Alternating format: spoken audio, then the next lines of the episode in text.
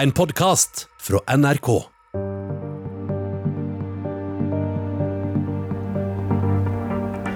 Så nå sitter de andre inne i fjøset med avslått lys og venter på beskjed fra oss.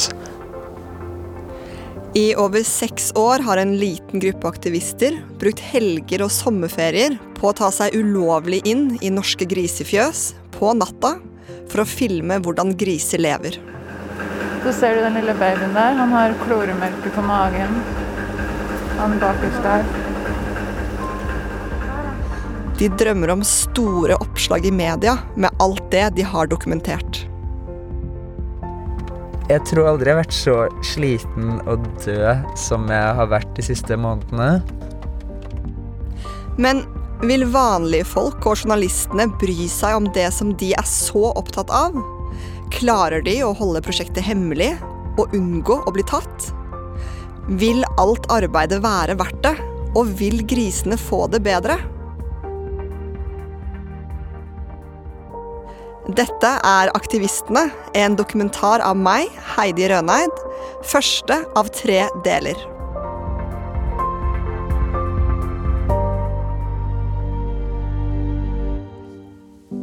Se for deg at du er ung, du brenner skikkelig for noe, og du tror at du kan gjøre en forskjell.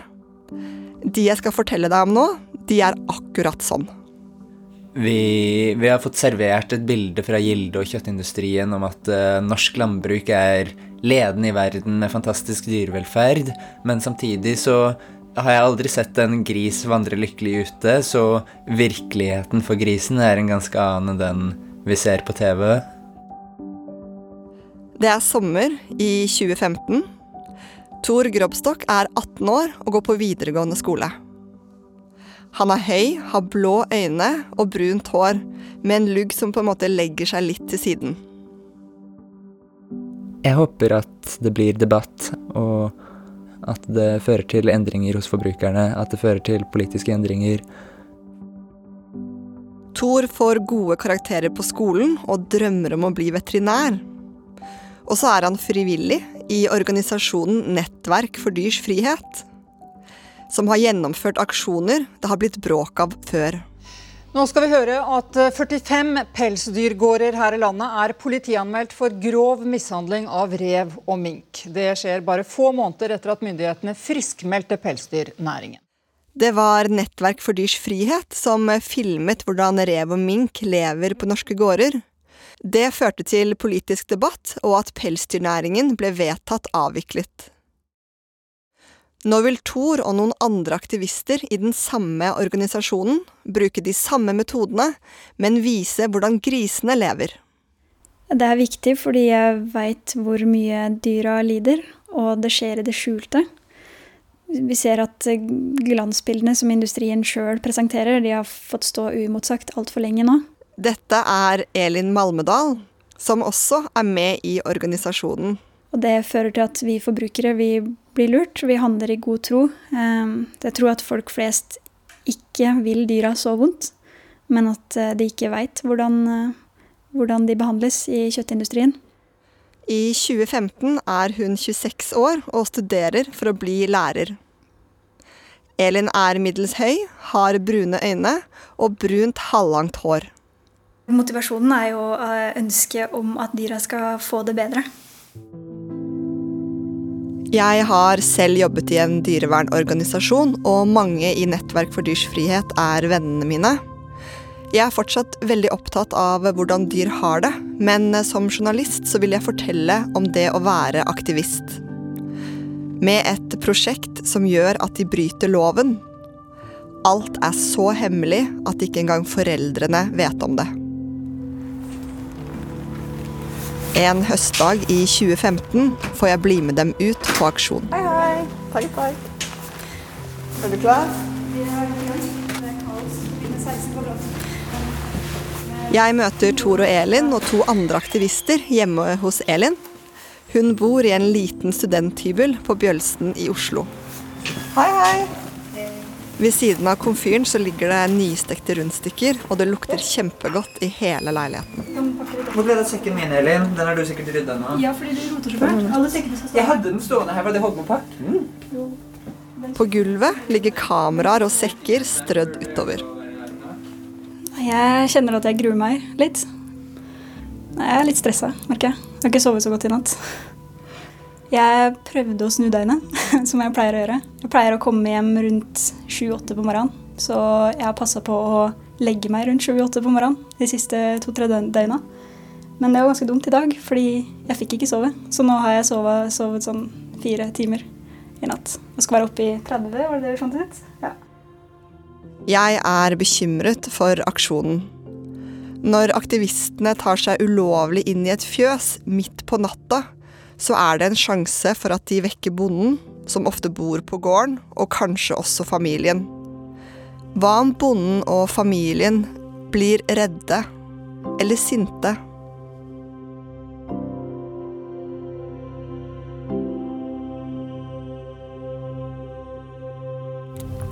Vi har snakka en god del om det, om hva vi gjør hvis vi eh, blir oppdaga mens vi er der ute.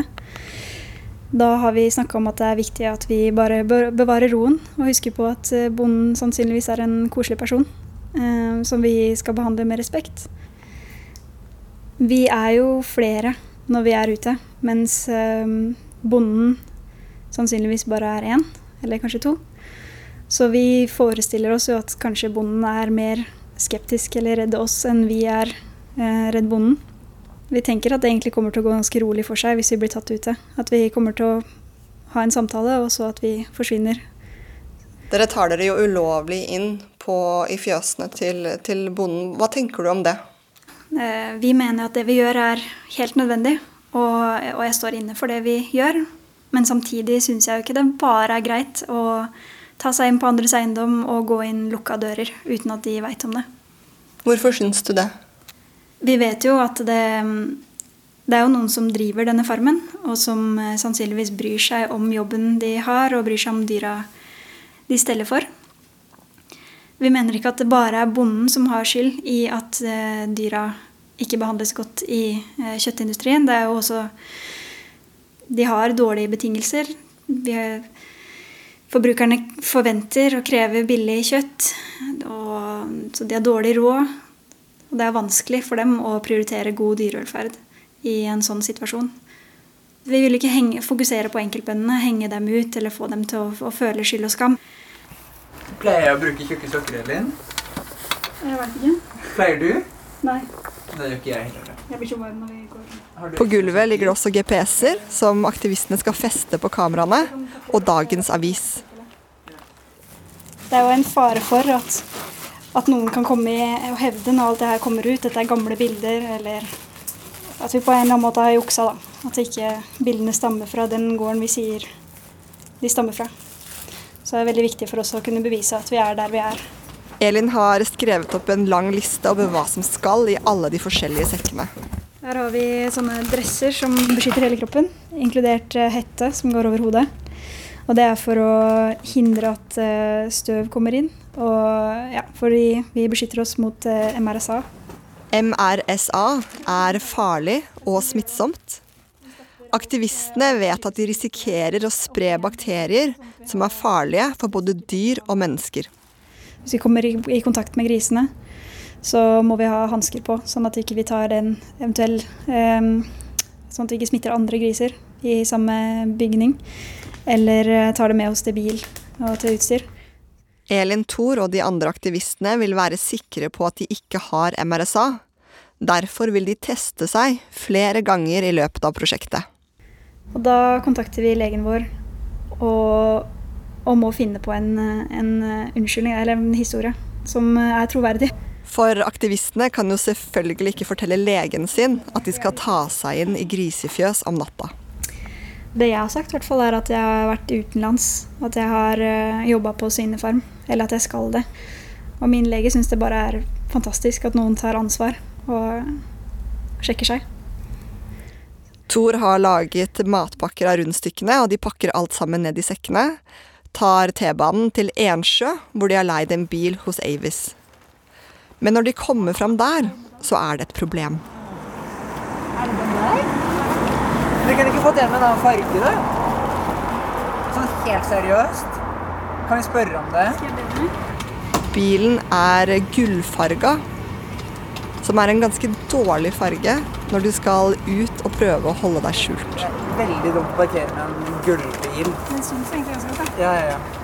Men en gullbil, den legger det så jævlig godt merke til Elin får byttet bil til en mørkere versjon, og de kjører ut mot Østfold til en gård som de har plukket ut for natta.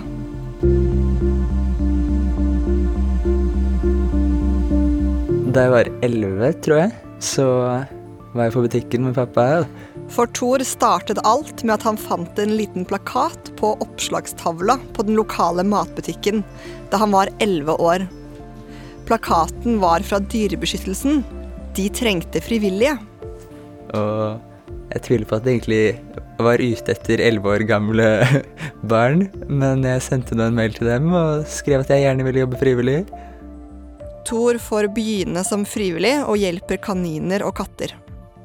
Det er på en måte mye katter som dumpes ute, og som lever uten noen eiere. Jeg husker at jeg og en venninne drev og tok bussen ut til Sandvika for å fange inn et kull med kattunger der, og vi satt en hel uke etter skolen hver dag før vi fikk fanget inn alle disse her. For Elin så startet det med hunden Tassen, som hun vokste opp med. Den peneste tibetanske spanielen jeg har sett noen gang. Tassen er liten og brun, og så har han en eh, buskete hale som krøller seg over ryggen. Vi pleide å dele frokostblanding. Det var vår rutine på morgenen. Så da lå jeg på senga og så på TV, og så spiste vi annenhver bit. Nei, han er jo interessert i ikke å oppleve smerte, akkurat som vi. Han er interessert i å få velge selv hva han skal bruke tida si på. Han er ikke så glad i å bli bestemt over, eller han var ikke så glad i det. Da Elin er 16 år, begynte hun å engasjere seg for andre dyr. For det første så tenker jeg at alle sansende, intelligente dyr eh, fortjener bedre enn eh, det grisene opplever.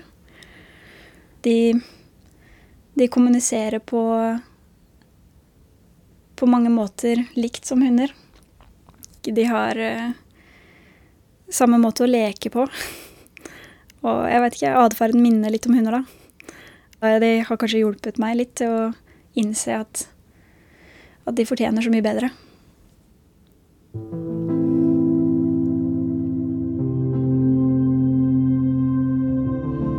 Vi må tilbake til Østfold. Tor og Elin har kjørt bilen opp en mørk skogsvei og finner et skjult område hvor de kan parkere.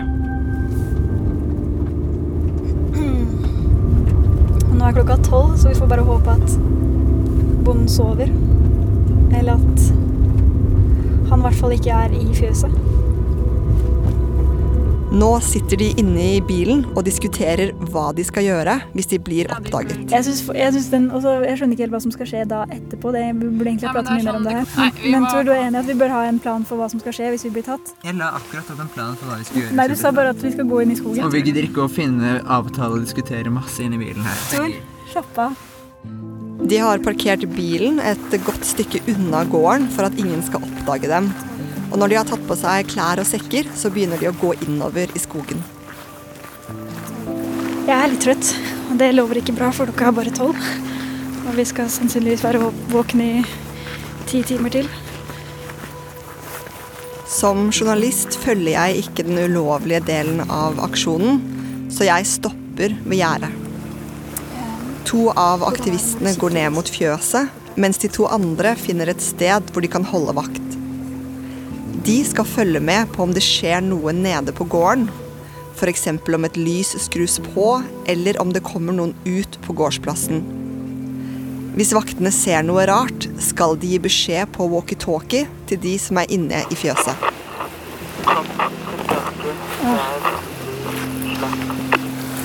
Kom tilbake. Det er tomt, egentlig er her. Så vi må tilbake. Thor, som er nede ved fjøset, gir beskjed på walkietalkien om at fjøset er tomt. Det er ingen dyr der. Det blir altså bomtur. Aktivistene må gå tilbake til bilen og kjøre til en annen gård som er ca. en time unna, og håpe at de får tatt bilder og video der. Hvis, hvis dette også blir en bomtur, så er det innmari kjedelig. Da har vi kjørt i timevis og brukt masse penger på leiebil og bensin. Og ikke minst tatt hele, hele dagen og hele natta fri.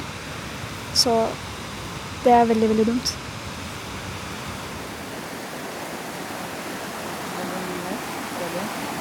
På den andre gården er det dyr, men aktivistene kommer seg ikke inn i fjøset, for alle dørene er låst. Hvis alle dørene er låst, må vi bare gå tilbake til bilen. Hvorfor det? Fordi vi vil ikke bryte oss inn. Vi går bare gjennom åpne dører. De må dra tilbake til Oslo uten et eneste bilde.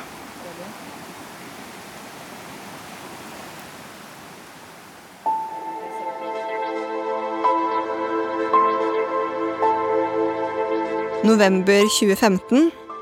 Jeg blir med aktivistene ut på aksjon igjen. Det er kaldt ute. Dette blir den siste turen aktivistene drar på før vinteren. Når snøen kommer, vil de legge en fotspor. Det kan bonden oppdage og skjønne at det er aksjoner på gang mot svinegårder. Og ryktet vil spre seg. De drar først til én gård, men der viser det seg at det er noen som bor i etasjen over fjøset, så da tør ikke aktivisten å gå inn. De drar videre til gård nummer to, men der er alle dørene låst. Gruppa begynner å lure på om det er jeg som bringer uhell, men de bestemmer seg for å prøve en siste gård. Nå er vi veldig nærme. Nå er vi ved steinbruddet, jo. Thor har planlagt ruta på nettet, så selv om han ikke har vært her før, så kjenner han seg liksom igjen. Nå nærmer vi oss. Ta til venstre. Det sikkert flere steinbrudd der. Tor parkerer bilen, og gruppa deler seg i to. Hvor har jeg gjort lua mi, da? Tor og en annen aktivist går dit hvor de skal holde vakt. Det er utenfor bondens eiendom, så jeg blir med. Bakken er dekket av et eh, tynt lag med hard snø som knaser når man går på den. Og alle trærne og stråene er dekket av rim. Elin og Helene, som også er med i dag, finner et skjulested litt unna fjøset og venter på klarsignal fra Thor.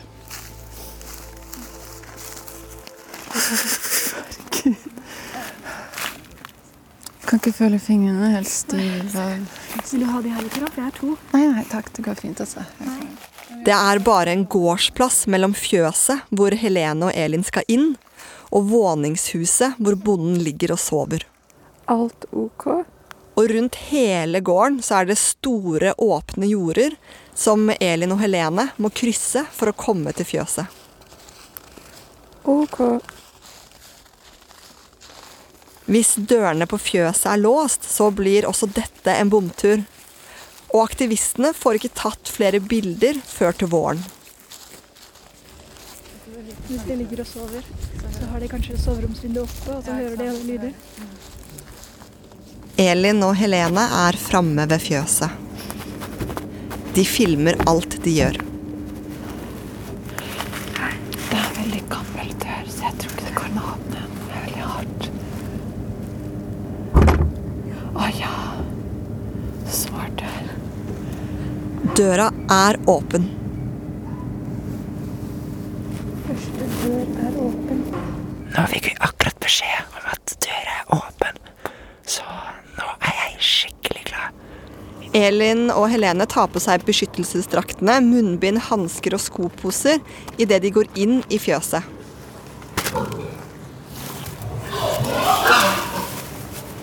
I det første rommet er det store purker i bingene.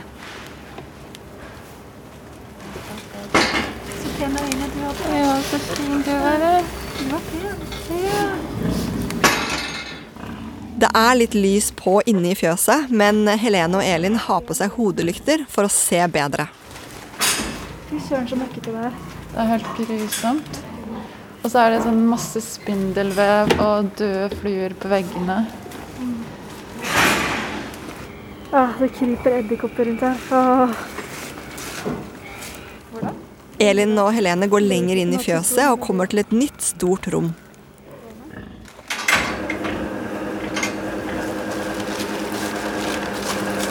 Og her, se her. Her er en purke med smågris, og så ser man at hun har eh, boksår. Og det er veldig Det er ikke noe strø i bingen. Og mye møkk. Det er ikke noe strø i det hele tatt. Nei. Så ser du den lille babyen der. Han har kloremelke på magen. Han bakerst der. Der, ja. Og så hun, eh, moren deres er jo full av fluer òg. Masse fluer. Stakkars. Nå har de kommet til avdelingen hvor de små rosa grisungene er. Det bråker skikkelig her fra alle maskinene. Det må være jævlig å ha det sånn hele tida. Hvert tiende minutt får de beskjed fra Thor på utsiden om at alt ser ok ut. Ok. Klokka har blitt over halv fire på natta. Ute går Thor og den andre aktivisten fram og tilbake og prøver å holde varmen.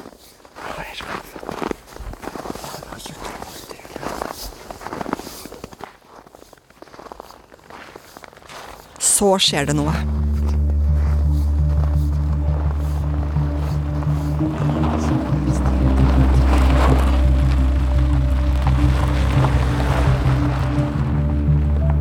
En bil kommer kjørende inn på gårdsplassen og stopper. Thor tar tak i walkietalkien og ber Elin og Helene skru av hodelyktene med en gang. Elin og Helene løper mot utgangsdøra, og der blir de stående helt stille, klare til å løpe ut.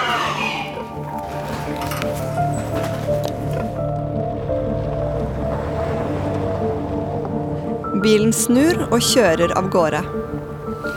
Ok. Bilen har kjørt vekk, men vi kan fortsatt se den. Ikke skru på lys enda.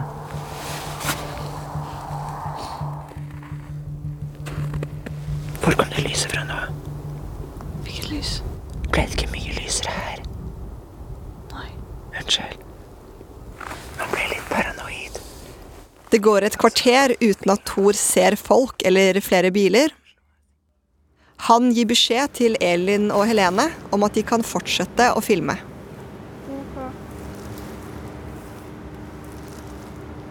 Når klokka begynner å nærme seg halv seks, så kan bonden når som helst stå opp for å ta morgenstellet. Thor gir beskjed til Elin og Helene om at det er på tide at de kommer seg ut. Ok. Natta går mot slutten. De som har holdt utkikk, møter Elin og Helene på vei tilbake til bilen. Jo, vi er bare Skuffende. skuffa. Ja, vi fikk så kort tid, så vi fikk ikke tatt alt vi hadde lyst til å dokumentere. Alle går til bilen, og Helene forklarer hva de har sett. Det vi la mest merke til når vi gjaldt de små, var eh, at eh, det var en som hadde Det så ut som betennelse i beina. Så hadde det to store hevelser på begge beina, forbeina. Fordi det så jo veldig fælt ut, da. Han kunne ikke hatt det godt i det hele tatt. Man blir sittende med en skikkelig stor hjelpeløshet. Det er det som er så vanskelig. Man har sjansen til å gjøre Eller man har jo egentlig ikke sjansen til å gjøre noe, fordi vi får ikke gjort noe uten å dokumentere det. Hva er det du håper skjer da, når folk får se de bildene og sånt som dere har tatt annet i dag? At de slutter å støtte den industrien. Eh, For det er jo vi som betaler for det, som holder liv i det. Så det er jo håp at eh, det blir slutt på det. Eller at folk skjønner hvordan de egentlig har det. For jeg tror ikke det er så mange som skjønner det.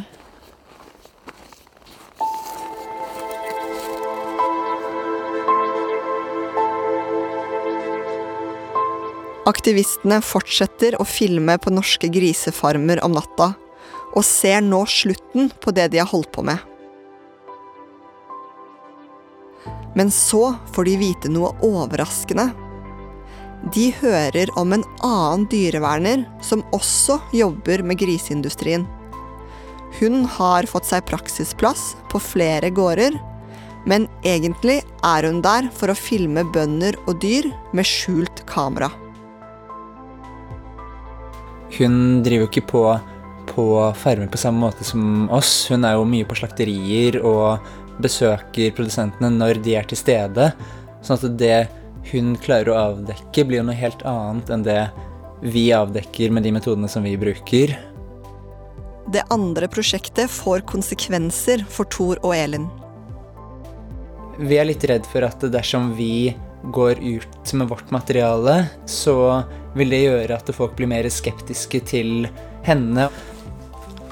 Hun er jo avhengig av at folk skal ha tillit til henne for at hun skal få komme inn og filme ferdig. Vi er ikke avhengig av at noen skal slippe oss inn, i og med at vi går inn uanmeldt og uten at det er noen til stede. De bestemmer seg for å vente med å gå ut med funnene fra sitt prosjekt. Alt blir lagt på is, selv om det kan bety at jobben de selv har gjort, kan være bortkastet.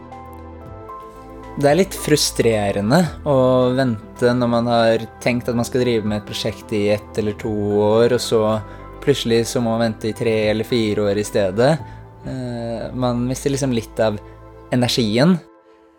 Jeg begynner å lure på om eh, aktivistene kommer til å klare å fullføre prosjektet, eller om alle nettene og feriene har vært ofret forgjeves.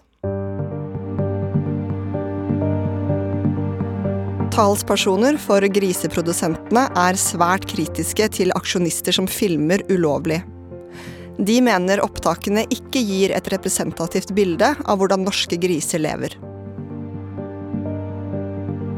Du har nå hørt Aktivistene, den første av tre deler, laget av meg, Heidi Røneid. Lyddesign er ved Kjetil Hansen. Produsent er Kjetil Saugestad. Redaksjonssjef er Hege Haug Omre, og redaktør er Siril Heierdal. Du har hørt en podkast fra NRK. De nyeste episodene hører du først i appen NRK Radio.